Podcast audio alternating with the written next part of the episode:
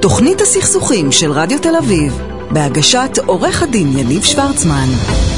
ערב טוב לכולם, תוכנית הסכסוכים, אני יניב שוורצמן. האמת שהתחלתי לכתוב להיום כמה מילים על מאבקים חברתיים, קהילתיים וסביבתיים. יש אין ספור דוגמאות הרי.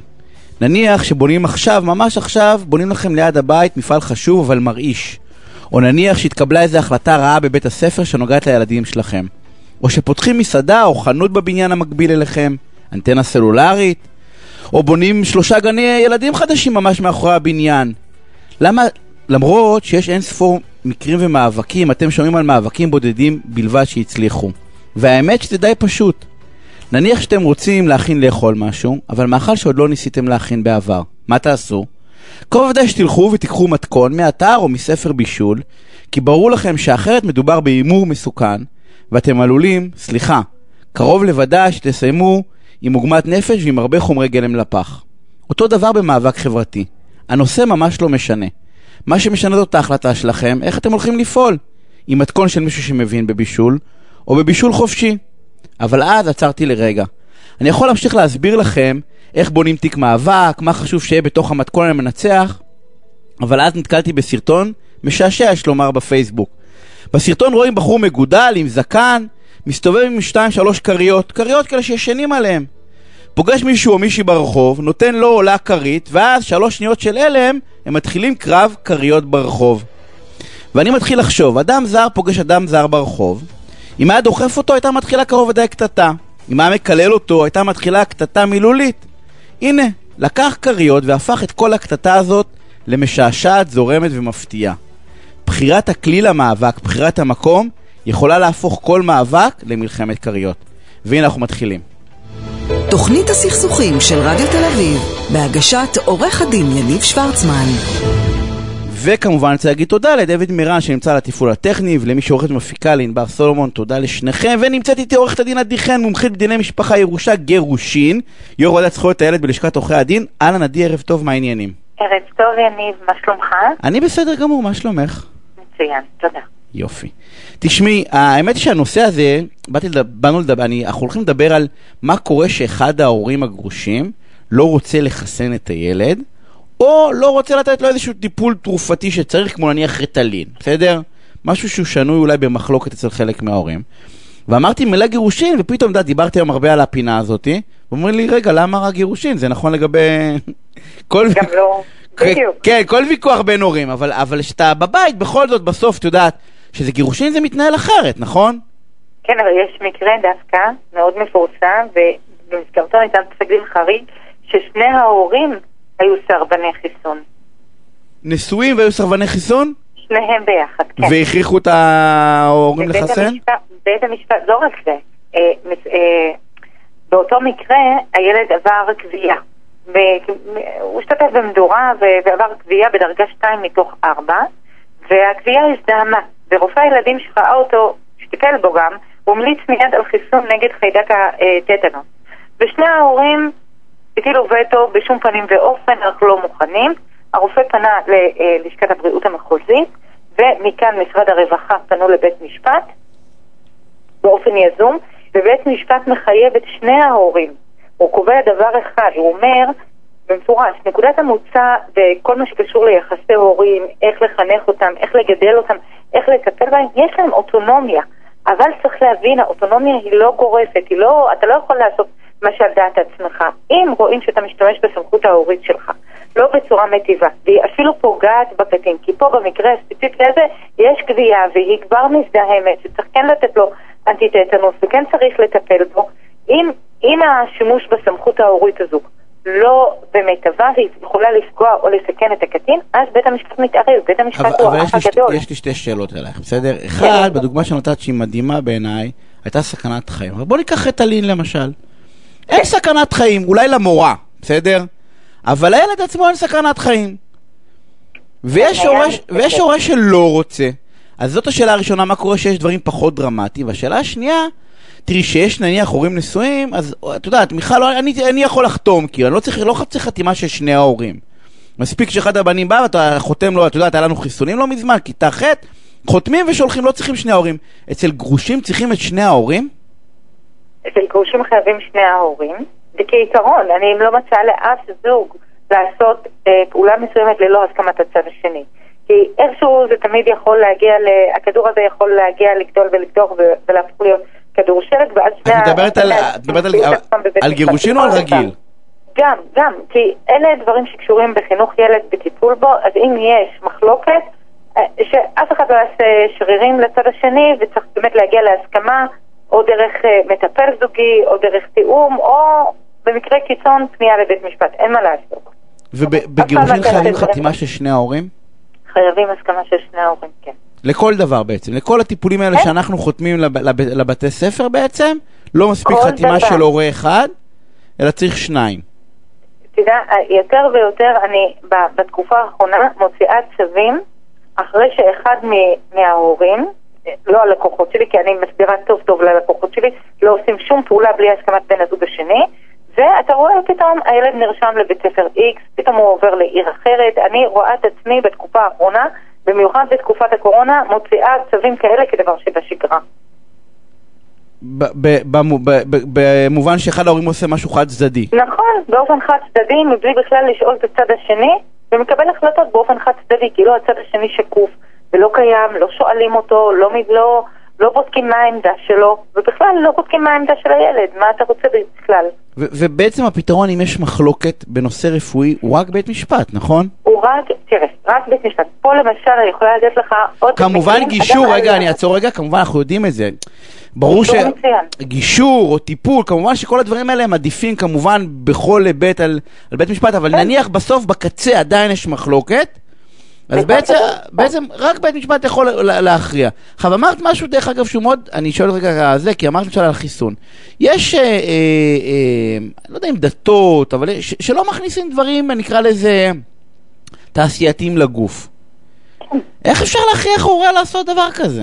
כאילו איפה עובר הגבול, איפה עובר הגבול? כאילו קראת לה בית משפט האח הגדול, איפה עובר הגבול? אז אני אתן לך דוגמה בנושא מחלת חצבת, שהיא מחלה אה, מסוכנת לכל הדעות, וכן, יש המלצה ברורה של משרד הבריאות להתחסן, ויש אינטרס ציבורי גם אה, אה, למנוע סיכון עצמי וגם למנוע סיכון אחרים, את, למנוע הפצת המחלה אה, בקרב אוכלוסייה לא מחוסנת, אוקיי?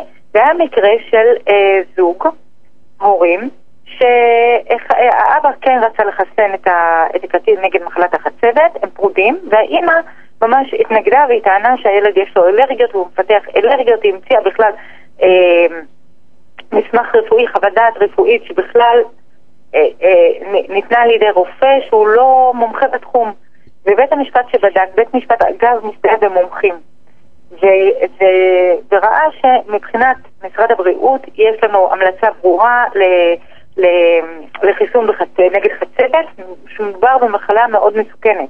ובית משפט פה מחייב את האימא לאפשר לה, אה, לקטין להתחסן. אגב, במקרה הקודם שבני הזוג נשואים וסירבו להתחסן, זה החריג, זה חריג ממש. יום למחרת הם חייבים לחסן את הילד, ואם הם לא יחסנו את הילד, אז משרד הרווחה יכול לערב גם את המשטרה, שים לב, זה כבר הופך להיות פלילי. שזה, שזה מדהים בעצם, שאם יש רופא, כן. לצורך העניין, עם שיקול דעת והיגיון, והוא רואה הורים שהם מקבלים החלטה שלטעמו, דרך אגב, את יודעת שאני בשבוע האחרון, יש לי אין ספור קטטות uh, ברשת על נושא החיסונים.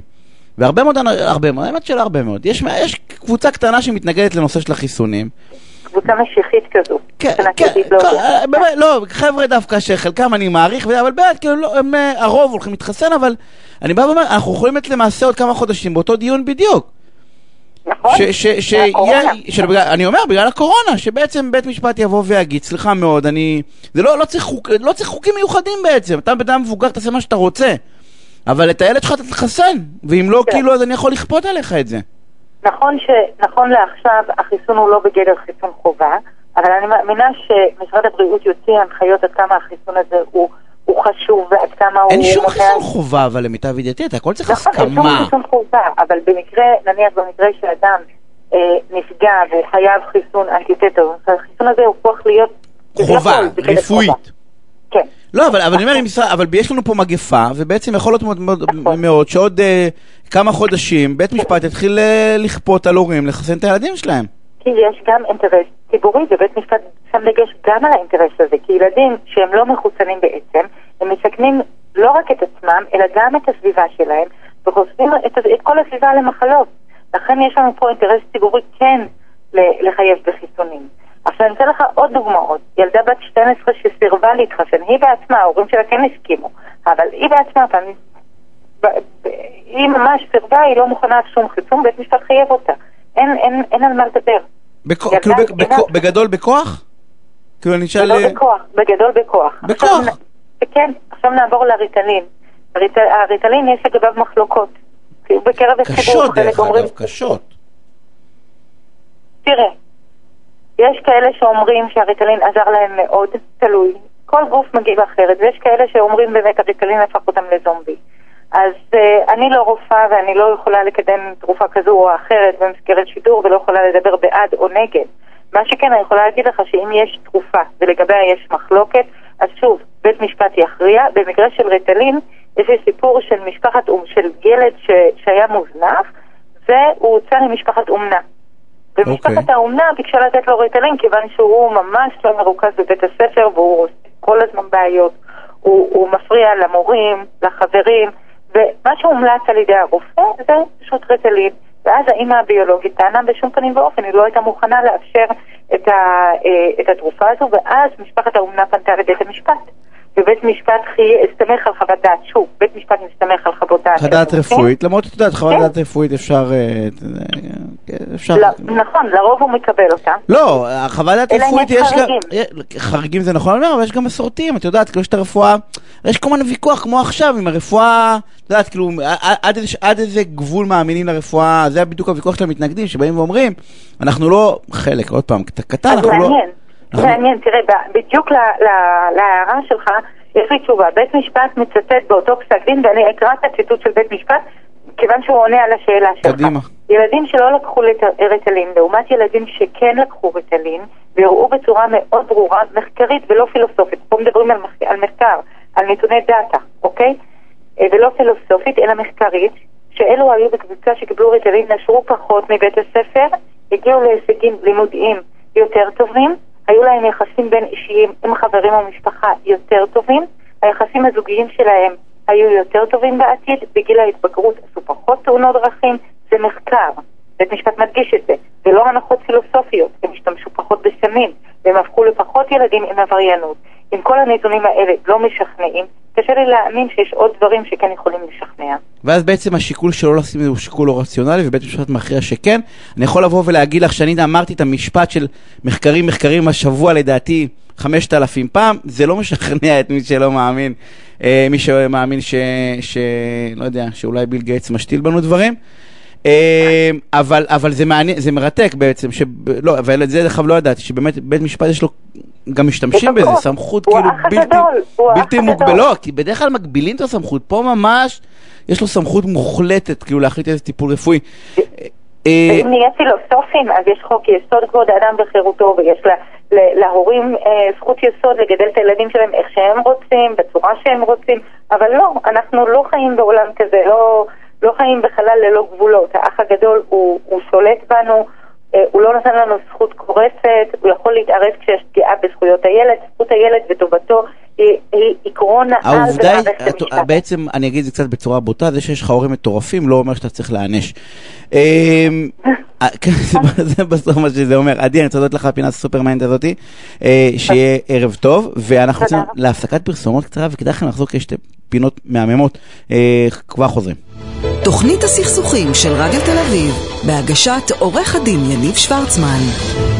ואני רוצה להגיד ערב טוב לעורך דין גיא מור, שמכהן בממשלה כמנהל מדיניות רגולציה ומנהל את הבלוג והפודקאסט הרגולטור. גיא, ערב טוב, מה העניינים?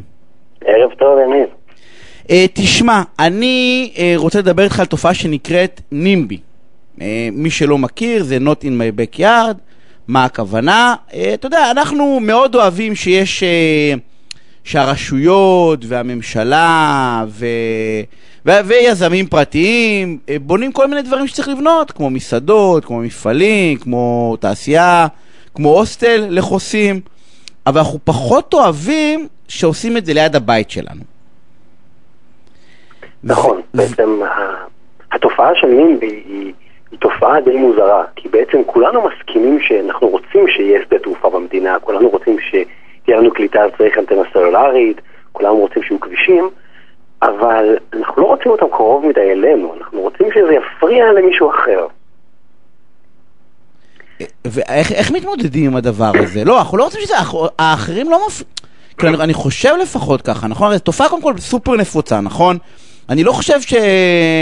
אתה הרי את עובד במשרד ממשלתי, דבר שאתם בטח נתקלים בו באופן די, די נפוץ. הרי אנחנו לא נגד הדבר, אנחנו רק לא רוצים שזה יהיה לידינו.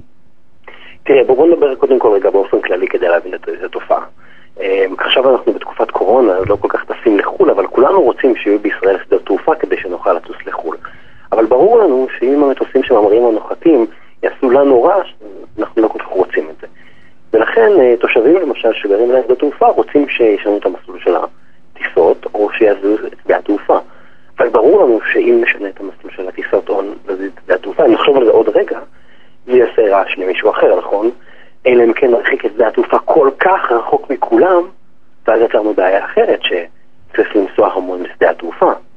עכשיו אותו דבר עם כל דבר אחר, כן? אם נרחיק מאיתנו מאוד את הכביש המהיר, אז לא הרווחנו שום דבר. ואם נרחיק מאיתנו מאוד מאוד את כל האנטנות הסלולריות, אז אין קליטה. זאת אומרת, אנחנו צריכים אותם יחסית קרוב, אבל לא קרוב מדי. ואז בעצם כל אחד רוצה להרחיק את זה קצת ממנו, ובעצם כל אחד מוכן שתהיה בעיה, אבל שתהיה בעיה למישהו אחר. כמובן שלא אומרים את זה, כן? כי כל אחד אומר, רק את המשפט אומר, רק, רק לא אצלי. אבל לטענה, אבל לטענה גיא סופר, אה, אתה יודע, ברמה האישית היא סופר נכונה. נכון, נכון, היא לגמרי מוצדקת, כן, בוא, תראה, גם אני, כשמישהו, אחד השכנים מפריע לי, אני לא רוצה שיפריע לי, אז אתה יודע, מה זה שכן הוא שדה תעופה, הוא מפעל מזהם, אה, הבעיה שאנחנו מבינים שצריך את זה, כן? ואז השאלה היא איפה הכי נכון למקם את אותן תשתיות, את אותם מבני ציבור. והרבה פעמים מה שקורה, בגלל נימבי, זה בעצם שאנחנו לא בוחרים במקום הכי טוב, אלא אנחנו בוחרים במקום שבו יש הכי פחות התנגדות. וזה לא בהכרח אותו דבר. למה הכוונה? תחשוב שלמשל אנחנו רוצים לבנות שדה תעופה, ויש שכונות שהן אה, חזקות, ויש לו יודעות להשמיע את הקול שלהן, ויודעות אה, להביע התנגדות, ויש שכונות של תושבים שפחות מצליחים. ומאוד יכול להיות שמה שיקרה שבגלל תופעת הנימבי, מי שמסוגל להביע התנגדות, הוא מי שיצליח להרחיק ממנו את אותו אה, משאב, את אותו מתקן. אבל, אבל אז קורים שני דברים. א', הוא לא במקום אופטימלי. זאת אומרת, תחשוב שאנחנו מסיטים את הכביש, מסיטים מסילת רכבת, מסיטים משאבים, ואז זה הרבה יותר יקר. נגיד, תחשוב שפרויקט ציבורי מתייקר במיליארדי שקלים. זה אחד, וזה לא טוב. שתיים, אנחנו בד... באופן שיטתי נדחוק את הפרויקטים האלה, ככה שהם יפריעו למישהו חלש ולא מצליח להשמיע את הקול שלו. אנחנו מחלישים את החלשים. זה כן, אנחנו פוגעים בהם עוד. ואז אתה רואה במקומות בעולם שזה לא מפתיע שהמקומות שבהם בונים תשתיות שמפריעות הם א' לא במקום האופטימלי, זאת אומרת זה מייקר את הפרויקט. למשל אתה מרחיק תחנת כוח מעיר גדולה ואז אתה מאבד חשמל בהולכה ואז פשוט יש בזבוז, נגיד חמישה אחוז מהחשמל שאתה מייצר הולך לאיבוד, חבל. זה כסף שלנו. שתיים, התושבים החלשים הם סובלים ממפגעים של רעש והם סובלים מיותר פקקים והם סובלים מיותר מזיהום פשוט כי הם פחות מצליחים להשמיע את הקול שלהם. אז זה סופר לגיטימי, כן, אבל כשבאופן שיטתי כשאתה הופך להיות ממקרה בודד לתופעה, אז זה כבר הופך להיות, להיות תופעה בעייתית. אבל התופעה הזאת היא סופר נפוצה, והשאלה עוד מעניין אותי, כאילו, הר, הרשויות הולכות שבי אחרי, כאילו, אתה יודע, זה משהו שמראש בא במערכת השיקולים? אם נניח היום שומעים אותנו, אתה יודע, יש הרבה מאוד, אה, אה, אני, אני מלווה כל מיני מאבקים, אתה יודע, זה, זה נכון לגבי כל, אה, כל מאבק סביבתי חברתי, בסדר?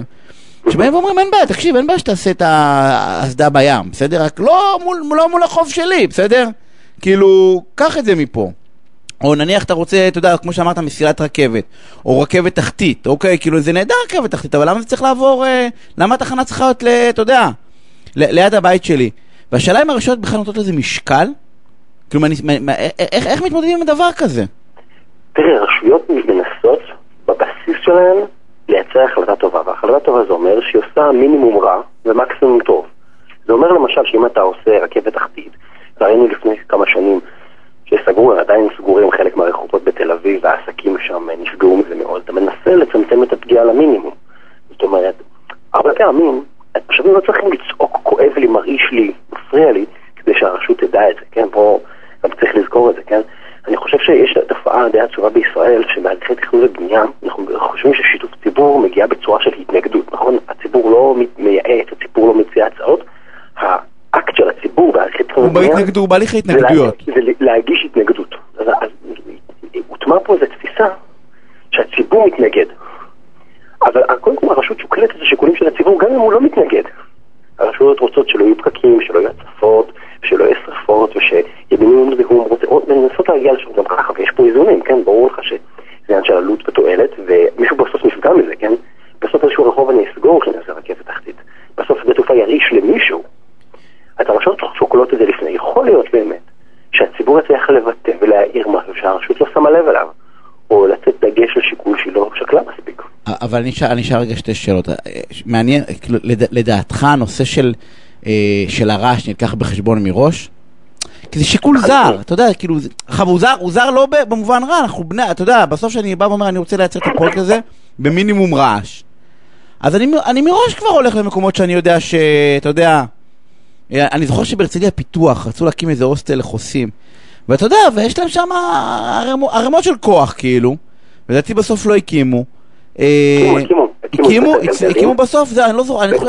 בית הגלגלים, ובסוף זה סיפור הצלחה, והקהילה חיבקה אותם, זה דווקא, אתה יודע, דוגמה למקרה של נימבי, שאתה לא רוצה את זה, ופה זה לא מפגע, זה פשוט אנשים שהם קצת אחרים. ברור, נימבי דרך אגב זה לא רק מפגעים, נימבי זה בדיוק זה.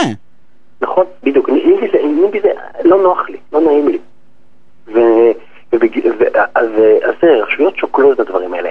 כמובן שיש דברים ששוקלים, ולא, זיהום אוויר, הפרעה לתנועה, רעש, בוודאי שוקלים. לא, רעש, רעש של קהילה אני מדבר. אה, אה, הבנתי מה אתה אומר. אני מדבר, סליחה, לא אמרתי רעש, ברור לי, רעש של קהילה, האם שמתכנן יושב היום במשרד איכות הסביבה, או לא משנה איפה, בא ואומר, תקשיב, אני רוצה איזשהו פרויקט, אני מראש יודע שפה זו אוכלוסייה שתעשה לי את המוות, אני לא, למרות שזה נכון לעשות את זה, אני אבחר בחלופה, אתה יודע, כמו שאתה יודע, היותר חלשה. תראה, ממה שאני מכיר ככלל, הממשלה ערה לסיפור הזה, זאת אומרת, אנשים יודעים שיש תביעות, אנשים יודעים שיש קמפיינים, אבל משתדלים לעשות את הדברים עם האינטגריטי המקצועי. זאת אומרת, אתה יודע, לפעמים מאבקים כאלה מצליחים. אפשר, לפעמים זה בצדק, לפעמים זה לא בצדק, זה מאוד פתוח לפרשנות. אבל בדרך כלל מנסים להקשיב לאנשים, אבל לא להיכנע בגלל שמישהו צועק יותר חזק.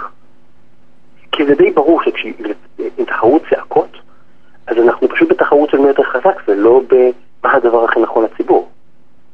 כן, כי, כי תחשוב על זה, מה שאתה אומר בעצם זה שאם מקבל ההחלטות חושב על מה באופן אפילו תת מודע דרך אגב, אתה יודע, אני בא ואומר לפעמים סתם, אתה יודע, זה הרי בקבלת החלטות, ברגולה, לפעמים זה אפילו לא במודע. אתה בא ואומר, אני, יש דברים שאני, כמו שאמרת, שדה תעופה, אני מעדיף לתקוע את זה ליד מקום שפחות... בחדרה רצו לעשות, נכון? לדעתי להעביר את ה... לעשות בחדרה, באיפשהו, הייתה התנגדות מאוד גדולה. בחדרה או משהו כזה. כאילו... אתה תחשוב בדרך כלל שאתה מעביר את זה לשם כי אתה באמת מפריע לפחות אנשים, כן? תראה, זה תמיד דברים מאוד מורכבים, ויש פה המון המון שיקולים נוגדים. אז כן, לפעמים, אני מניח, אני לא מכיר, לפעמים כנראה צריכים להכריע מקבלי ההחלטות. אני יכול לתת לך דוגמה מחו"ל. בסן פרנסיסקו יש נימבי מסוג מאוד מאוד מוזר. מאוד מאוד קשה לבנות. מאוד, הרגולציה על בנייה מאוד קשה, כל שכן יכול להגיש התנגדות, אפילו התנגדות אנונימית. זאת אומרת, כל אחד יכול להגיש, ואף אחד לא יבוא לך בחינם לגמרי. אפשר לכפות הצבעה על פרויקט של התושבים. ולמה זה? כשאתה מונע בנייה, אז קודם כל אנשים רוצים שכונה פרברית שקטה. שנית, כשאתה לא בונה, אז מחיר הנכסים יותר גבוה, כי חסרים נכסים. וזה טוב להם שהם מונעים בנייה. אז הם לא עושים קמפיין על מקבל החלטות, הם פשוט יצרו רגולציה, סט של כללים או עוד בירוקרטיות שמקשות על בנייה, בשם הנימבי. אז זה כבר ממש נימבי שמעוגן בתוך החקיקה. אז יש דוגמאות מאוד מאוד מרחיקות לכת לנימבי. ובארץ, מבחינת ההליכים, אמרת את זה נכון, כאילו, יש ניסיון לפני ההתנגדויות, לפני ליצור את, כמו שאמרת, בארץ, כאילו, התהליך של שיתוף הציבור הוא דרך הליך התנגדות, ואוטומטית, אתה יודע, בתהליך התנגדות מעורבים עורכי דין, ועורכי דין אוהבים להיות פחות חיוביים, בסדר? כאילו, בדרך כלל זה לא מה כן, זה מה לא. יש שם איזושהי מגמה... מה? כי זה הסטינג, וזאת ההבניה. בדיוק, אז יש- שם מגמה כאילו לנסות למנוע את ההתנגדויות בזה שמשתפים כאילו? כן, אז, אז האמת שאתה שואל שאלה מצוינת. תראה, אנחנו בשנים האחרונות עוברים בישראל כמה מהפכות בתחום של מדיניות ציבורית, ואחד מהשינויים האלה זה עולם שנקרא שיתוף ציבור. והרעיון בשיתוף ציבור זה לשמוע אנשים ולהתייעץ איתם, לנסות להבין את הבעיה, לנסות להבין את השיקולים, לנסות לגבש סט של חלופות וגם לחשוב איזה חלופה יותר טובה לפני שהתקבלה ההחלטה. אומרת, הרבה פעמים בהתנגדות מה קורה? הם מפקידים את התוכנית, זאת אומרת, עשינו תוכנית, עבדנו, עבדנו, עבדנו, ביקשנו אותה כולם, אחר מפקידים אותה, והציבור מוזמן להתנגד בסוף. אז אנחנו אומרים? לא, לפני שהתקבלה ההחלטה, בכל מיני שלבים, בשלב של הגדרת המטרות, בשלב של גיבוש החלופות, בשלב, בשלב של השוואה בין החלופות, פה אז נשמע את הציבור. וציבור יכול להיות ציבור רחב, יכול להיות תושבים, יכול להיות חברות, יכול להיות מומחים מהאקדמיה, מהפרקטיקה. אם אנחנו עושים את זה שם, אנחנו מרוויחים שני דברים. א', אנחנו מוצאים את הלעומתיות הזאת, ומיישבים את הסכסוך במידה רבה לפני שהוא מתחיל, כי אנשים לקחו חלק, אנשים הקול שלהם אנשים לקחו חלק. נכון. גם שמעו את השיקולים ולא קיבלו תוכנית מוגמרת שמרגישים שלא סופרים אותם. ואני יכול להגיד לך מניסיון שלי שעשיתי עשרות תהליכי שיתוף ציבור, גם כשאתה בסוף לא מקבל החלטה שתואמת אותם, כשבאמת הקשבת, אנשים יודעים מתי אתה מקשיב ומתי אתה סתם מהנהן, אנשים מקבלים את זה יותר. אתה גם מנמק, אתה מסביר, אה, אין מה לעשות, אנשים יודעים מתי אתה מקשיב להם ומתי אתה מזייף. הדבר השני שזה עושה, זה בעצם אה, מאפשר גם למי שלא יודע לקחת עורך דין ולא יודע לנהל הליך משפטי מורכב להשמיע את הקול שלו. ואז אנחנו עושים, משפרים יותר את האיזון ואת הבלנס הזה, שאמרנו בהתחלה, החזקים החזקים. והחלשים. גיא, אנחנו- חייבים לסיים.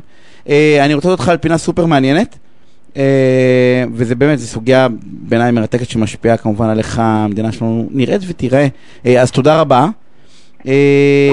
ואני רוצה להגיד שלום לרואה חשבון שלומי כהן, משרד כהן ראיית חשבון ומייסד שותף במשרד אביבי כהן, הנהלת חשבונות. שלומי, ערב טוב, מה העניינים? יניב, ערב טוב, מה שלומך? טוב, אתה, אתה, אתה מתחסן? אני עוד לא בטוח. שלומי, אל תתחיל איתי, נו. אתה יודע מה, תסגרי לו את המיקרופון. הוא לא יכול לדבר. רק מי שאומר אני מתחסן, עולה פה בתוכנית. רק אנשים אחראים, שלומי. אז אני המומחים שלי יכול להגיד. לך, סוד קטן, הייתי חולה קורונה, אז יכול להיות שאני כבר מחוסן טבעי. אשתך מתחסנת? עזוב, איך אתה מתחיל למרוח אותי בזה. ככל הנראה שכן, או, ככל הנראה או, שכן. אנחנו משפרים את השיחה, יפה. אה, די, צריך להתחסן, ולא בלי G5 וביל גייטס עם השבבים שלו. תשמע, אנחנו הולכים לדבר על אה, פיטורים. אה, ואנחנו הולכים לדבר ברמה המסחרית הכלכלית, בסדר? כאילו לא שימוע וכל הדברים האלה, אלא אני עוזב מקום עבודה, מה מגיע לי? אוקיי. בסדר? בוא תגיד לי, מה, מה, מה, מה, מה אני מבחינתך, מה אני כעובד צריך לדעת שאני מסיים עם המעסיק? דרך אגב, בדיוק התכתבנו על זה גם היום, זה לא רק, גם המעסיק צריך לדעת ההפך, מה הוא צריך נכון. לתת לי, בסדר? הוא לא רוצה נכון, להיות במקום ש... לשני הצדדים. ש... לא, שיגישו נגדו תביעה כי הוא טעה.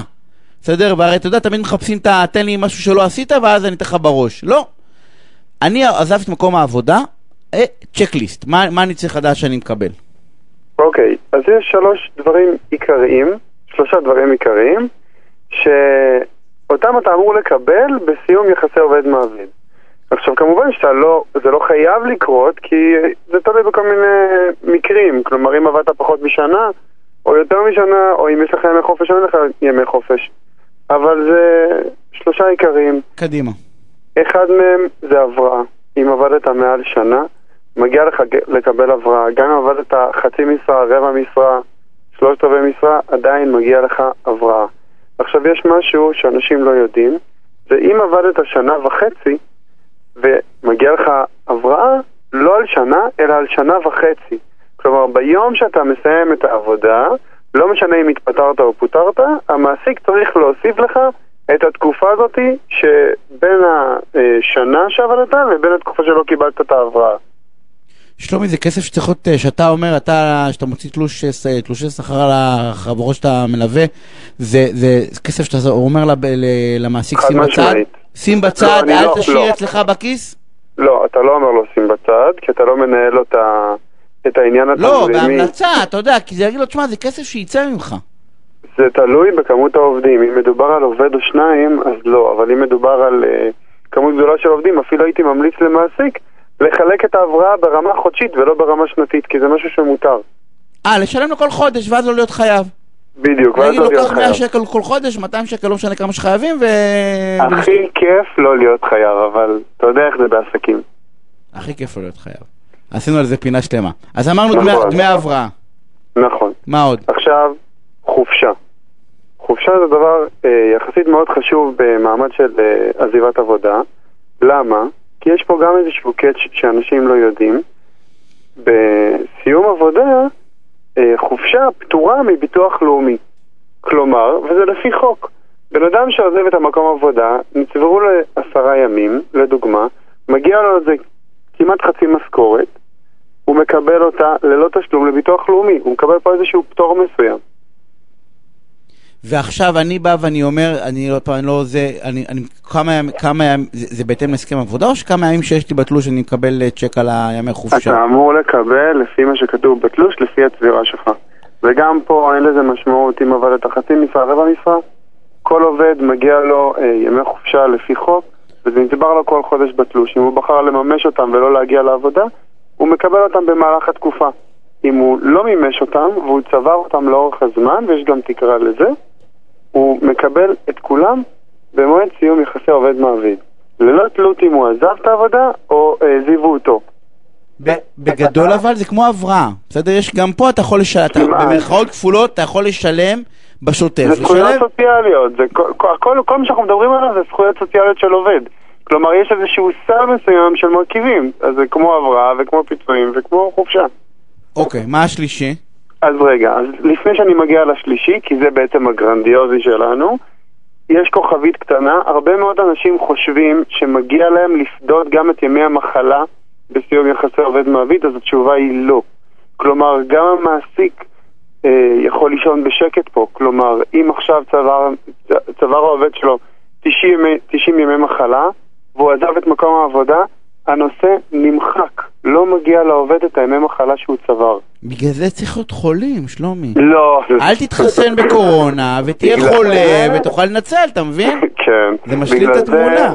הרבה, אה, לצערנו, אתה רואה את זה, ואני אומר את זה בעדינות, הרבה עובדים שיודעים שהם הולכים לסיים את המק... במקום עבודה שלהם, דואגים מראש לנצל את הימי מחלה האלה. להיות חולים. והדבר האחרון, וזה באמת הדבר באמת שמציק לכולנו בדרך כלל, לעובדים בעיקר, וגם למעסיקים, זה פיצוי הפיטורים. אז קודם כל, הכי חשוב זה להבין שכל עובד שעבד מעל שנה, מגיע לו פיצויי פיטורים. זה לא משנה אם הוא אה, התפטר או אם הוא פוטר. כל השאלה היא כמה מגיע לו. אם מגיע לו שכר מלא, או אם מגיע לו שכר מופחת, או... וכיוצא באלה. אבל מגיע ועכשיו אנחנו מדברים על כמה. בדיוק, אנחנו מדברים על כמה. והחוק מבדיל בין אה, שני סוגי פיצויים. אחד זה תחת סעיף 14 והשני לא תחת סעיף 14. מה שלא תחת סעיף 14, לא משנה מה המעסיק הפריש לעובד, הפקיד לעובד במהלך התקופה שהוא עבד אצלו, הוא משלם לו משכורת אחרונה כפול ותק. גם אם היו העלאות שכר זה לא מעניין, גם אם הוא לא בא עם קופה מראש, לא מעניין. אם המעסיק פיטר, כמובן, אם הוא פיטר את העובד, הוא משלים לו למשכורת אחרונה כפול ותק. מאידך, אם העובד עזב את המעסיק, אז הוא לא מוסיף לו את החלק הזה, והוא משלם רק מה שיש בקופה. מה שצבר לאורך התקופה. בדיוק, וזה בדרך כלל סביב השני שליש מה, ממה שהוא אמור לקבל בפיצוי הפיטורים שדיברנו עליהם. אוקיי.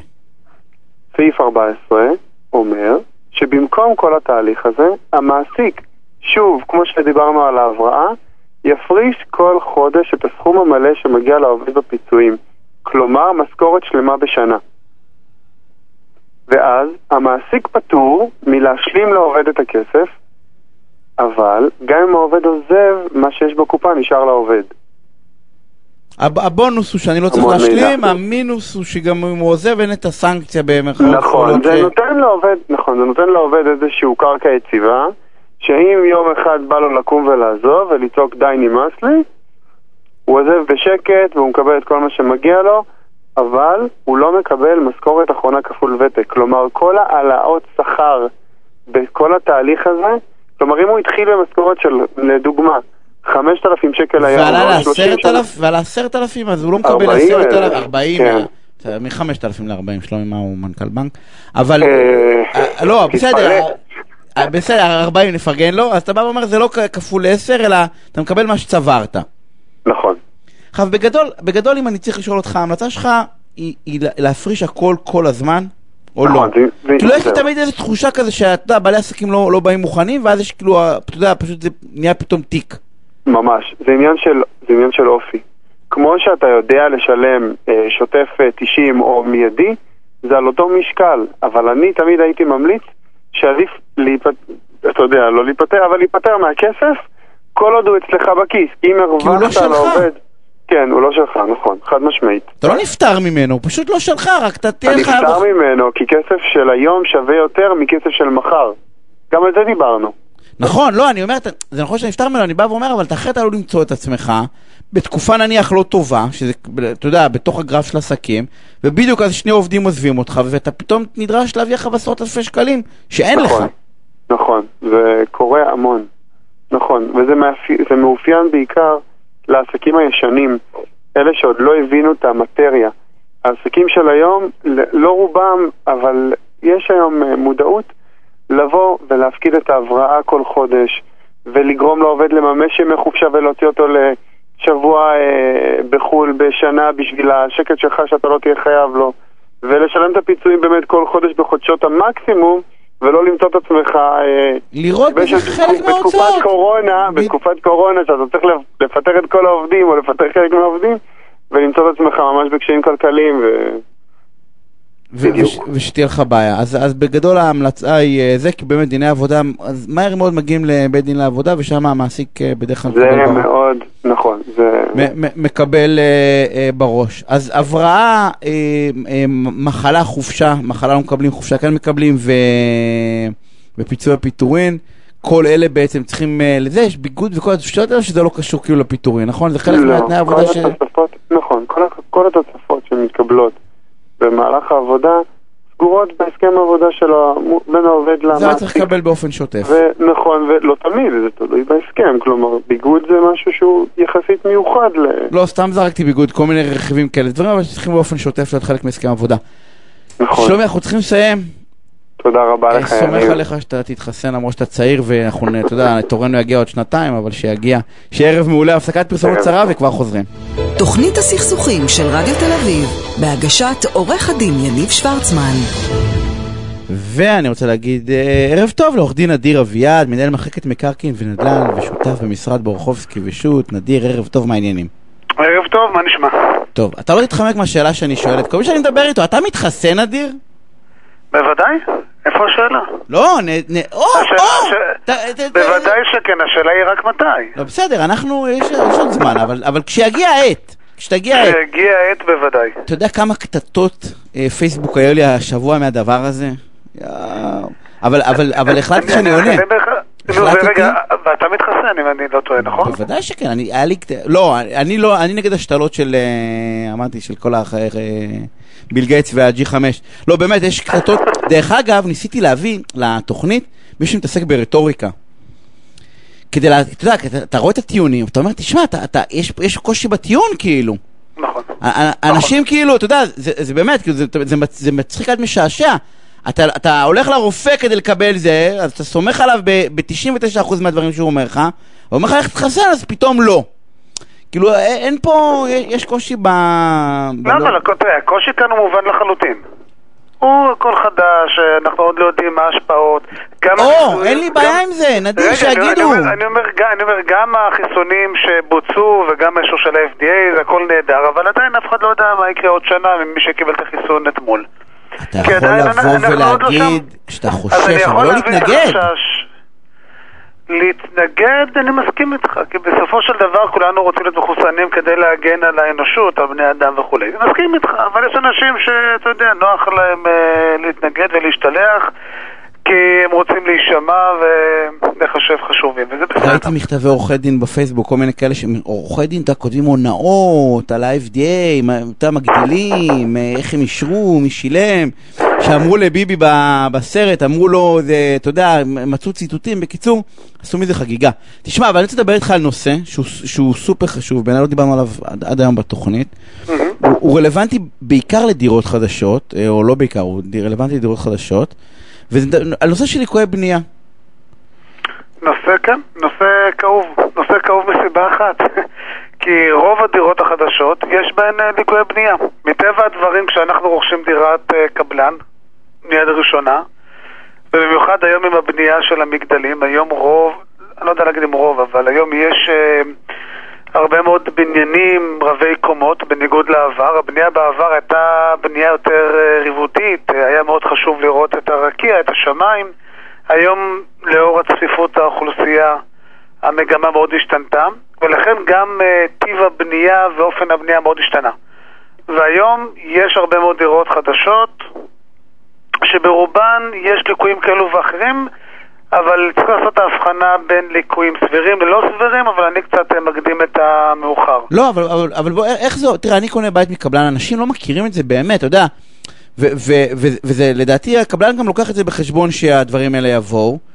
וזה לא, לא, זה, זה לא, זה לא קטנוניות, נכון? כאילו, זה לא, לגיטימי, לא, לא, כאילו, לא, זה לא ש... לא, זה לגיטימי לחלוטין. אני רוצה רגע להתחיל גם מההתחלה, בסדר?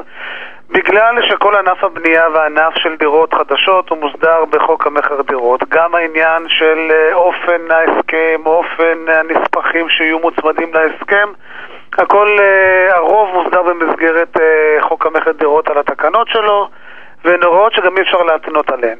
בסדר? כלומר, היום כשרוכש ניגש לחתום על הסכם מכר מקבלן, הוא מקבל סטפה של עמודים, לפחות 60-70 עמודים, כולל מפרט שמעטי מעטים קוראים, תתפלא, אבל יש כאלו שקוראים וגם uh, נותנים הערות למפרט עצמו, והכל בעצם כדי שיהיה ברור לכל הצדדים, גם לקבלן וגם לרוכש, uh, מה הוא למעשה יקבל בתום הבנייה. כי כשרוכש, רוכש דירה מקבלן, בהרבה מאוד מקרים הדירה עדיין לא בנויה. על הנייר, מקרים, כמו. בדיוק, על הנייר, אז אתה לא יודע מה. אז במקום שאנחנו נדמיין, אז המחוקק חייב שיהיה ברור ברחל בתך הקטנה מה רוכשים ורוכשים וכולי וכולי. לכן, התהליך החוזי הוא בהרבה יותר מורכב. מצד שני הוא מאוד מגן על הזכויות של הרוכשים, בניגוד לדירה יד שנייה שרוכש אדם פרטי מאדם פרטי או מחברה. וכשאנחנו מגיעים ואנחנו מקבלים את החזקה בדירה, בדרך כלל מאוד מקובל שמתבצע פרוטוקול מסירה, כך זה מוגדר, שעוברים ביחד עם הרוכש, ואם הרוכש קצת לא מבין את המשמעות של פרוטוקול המסירה, אז הוא חותם בעיניים עצומות, ובפרוטוקול מפרטים את הליקויים שגילו וראו במועד שמוסרים את הדירה לחזקת הרוכש. ואמרת, הוא לא מכיר כי? הוא כי לא צריך מכיר- להכיר? לא, זה היה נשמע, זה היה נשמע כי חסר-. חסר לי פה משהו. אז אני אסביר למה. בסדר, אני אסביר בין הפרקטיקה לבין ההיבט המשפטי. אוקיי. בפרקטיקה הקבלנים אוהבים להיתלות על פרוטוקול המסירה ואומרים, אה, מה אתה רוצה? אתה, לפני שקיבלת את הדירה, ביצענו סיור, ביצעת בדיקות ואלו הליקויים שמנית. היום אתה בא אליי אחרי שבוע, שבועיים ואתה אומר לי, אה, תראה, גם חסר איזה צ'ופצ'יק בחלון, זה לא בגללי, זה בגללך. הקבלנים מאוד אהבו להתכסות בטיעון הזה. עשינו, ביצענו פרוטוקול מסירה, ועכשיו אתה מגיע אליי עם דברים חדשים שהיית יכול לראות בזמן הבדיקה, אז עזוב אותי. וכנראה אתה זה שעשית את זה. ולא אני. בדיוק. כנראה זה ילד שלך בן ארבע זרק איזה משהו ושבר. היום גם, היום הפסיקה באה ואומרת בצורה מאוד מפורשת וברורה, תראו, ברור לנו שאם רוכש מגיע לבצע פרוטוקול מסירה, הוא לא חברת בדק, הוא לא מהנדס בניין, הוא בסך הכל עשה סיור של 5-10 דקות, חצי שעה, אנחנו לא מצפים ממנו שעכשיו יתהה על כל אה, מילימטר בדירה ועל כל פרט שהתריס ופרט. אה, שבור או שיש סדק בדלת מאחורה? נכון, הרי ברור? לנו שבדרך כלל הוא מתרגש, יש אולי הובלה שאמורה להגיע לאחר מכן. אז זה כן יכול ללמד איזשהו משהו, אבל בוודאי שזה לא יכול להוות טיעון שישרת לאחר מכן את הקבלן נגד טענות של ה- דרך אגב, אתה ממליץ דירה. לקחת בדק בפרוטוקול או שלא? אני ממליץ שכן. שכן. כן, מסיבה אחת, אני לא חושש רגע מההיבט המשפטי. בהרבה מאוד מקרים, בגלל שמדובר בבניינים חדשים, המערכות לא מספיק, אה, לא מספיק רצו, בסדר? הם לא הופעלו במספיק זמן.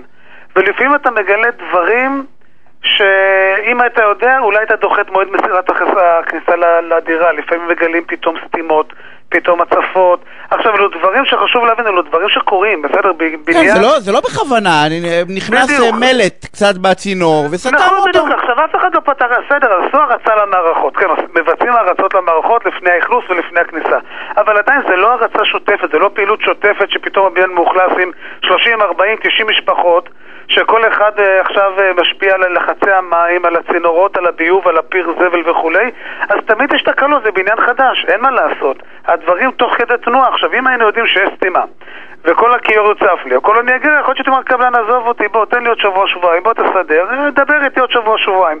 זה גם בסדר. אני כרגע פחות בהיבט המשפטי. אז מי שיכול, יכול מבחינת זמן, כי יקר זה לא יקר, דרך אגב, אנשים לא יודעים, אבל לא מדובר ב- בעשרות אלפי שקלים, זה בדיקה באלפים. אלפים בודדים. אלפים אלפים בודדים. בודדים, נכון. קנית בית, תרשה לעצמך לקחת באלפים בודדים, חברה, אם יש, אה, כמו שאמרתם, אני לא צריך לעבור מבית לבית, כן? ואין לי זמן, אבל אם יש לך את הכמה ימים, קח חברה שתעשה את זה. נכון, ושוב, לא כדי עכשיו להתנגח עם הקבלן, כדי שתיכנס לדירה ולא יהיה לך את העוגמת נפש ואת המפח של סתימות ובעיות כאלו אבל once יש לי חוות דעת, אני כבר יכול להתנגח עם הקבלן, נכון? מומלץ. כן. אז אני- גם בא ואומר, עכשיו תראו, ליקויים קיימים, יש חובה בחוק אה, לקבלן, יש לנו שתי תקופות, בסדר? אה, תקופות אה, לאחר שקיבלנו את החזקה בדירה. יש לנו תקופת הבדק, שזוהי התקופה הראשונה שהקבלן מחויב לתקן ליקויים אה, שמתגלים בדירה, ויש הבחנה בין ליקוי שבגינו אני לא יכול להשתמש בדירה. אם עכשיו התפוצץ לי צינור והדירה עכשיו מוצפת במים, הקבלן לא יכול להגיד לי, טוב בוא תמתין עוד שבוע ואני אגיע אליך, הוא חייב במיידי.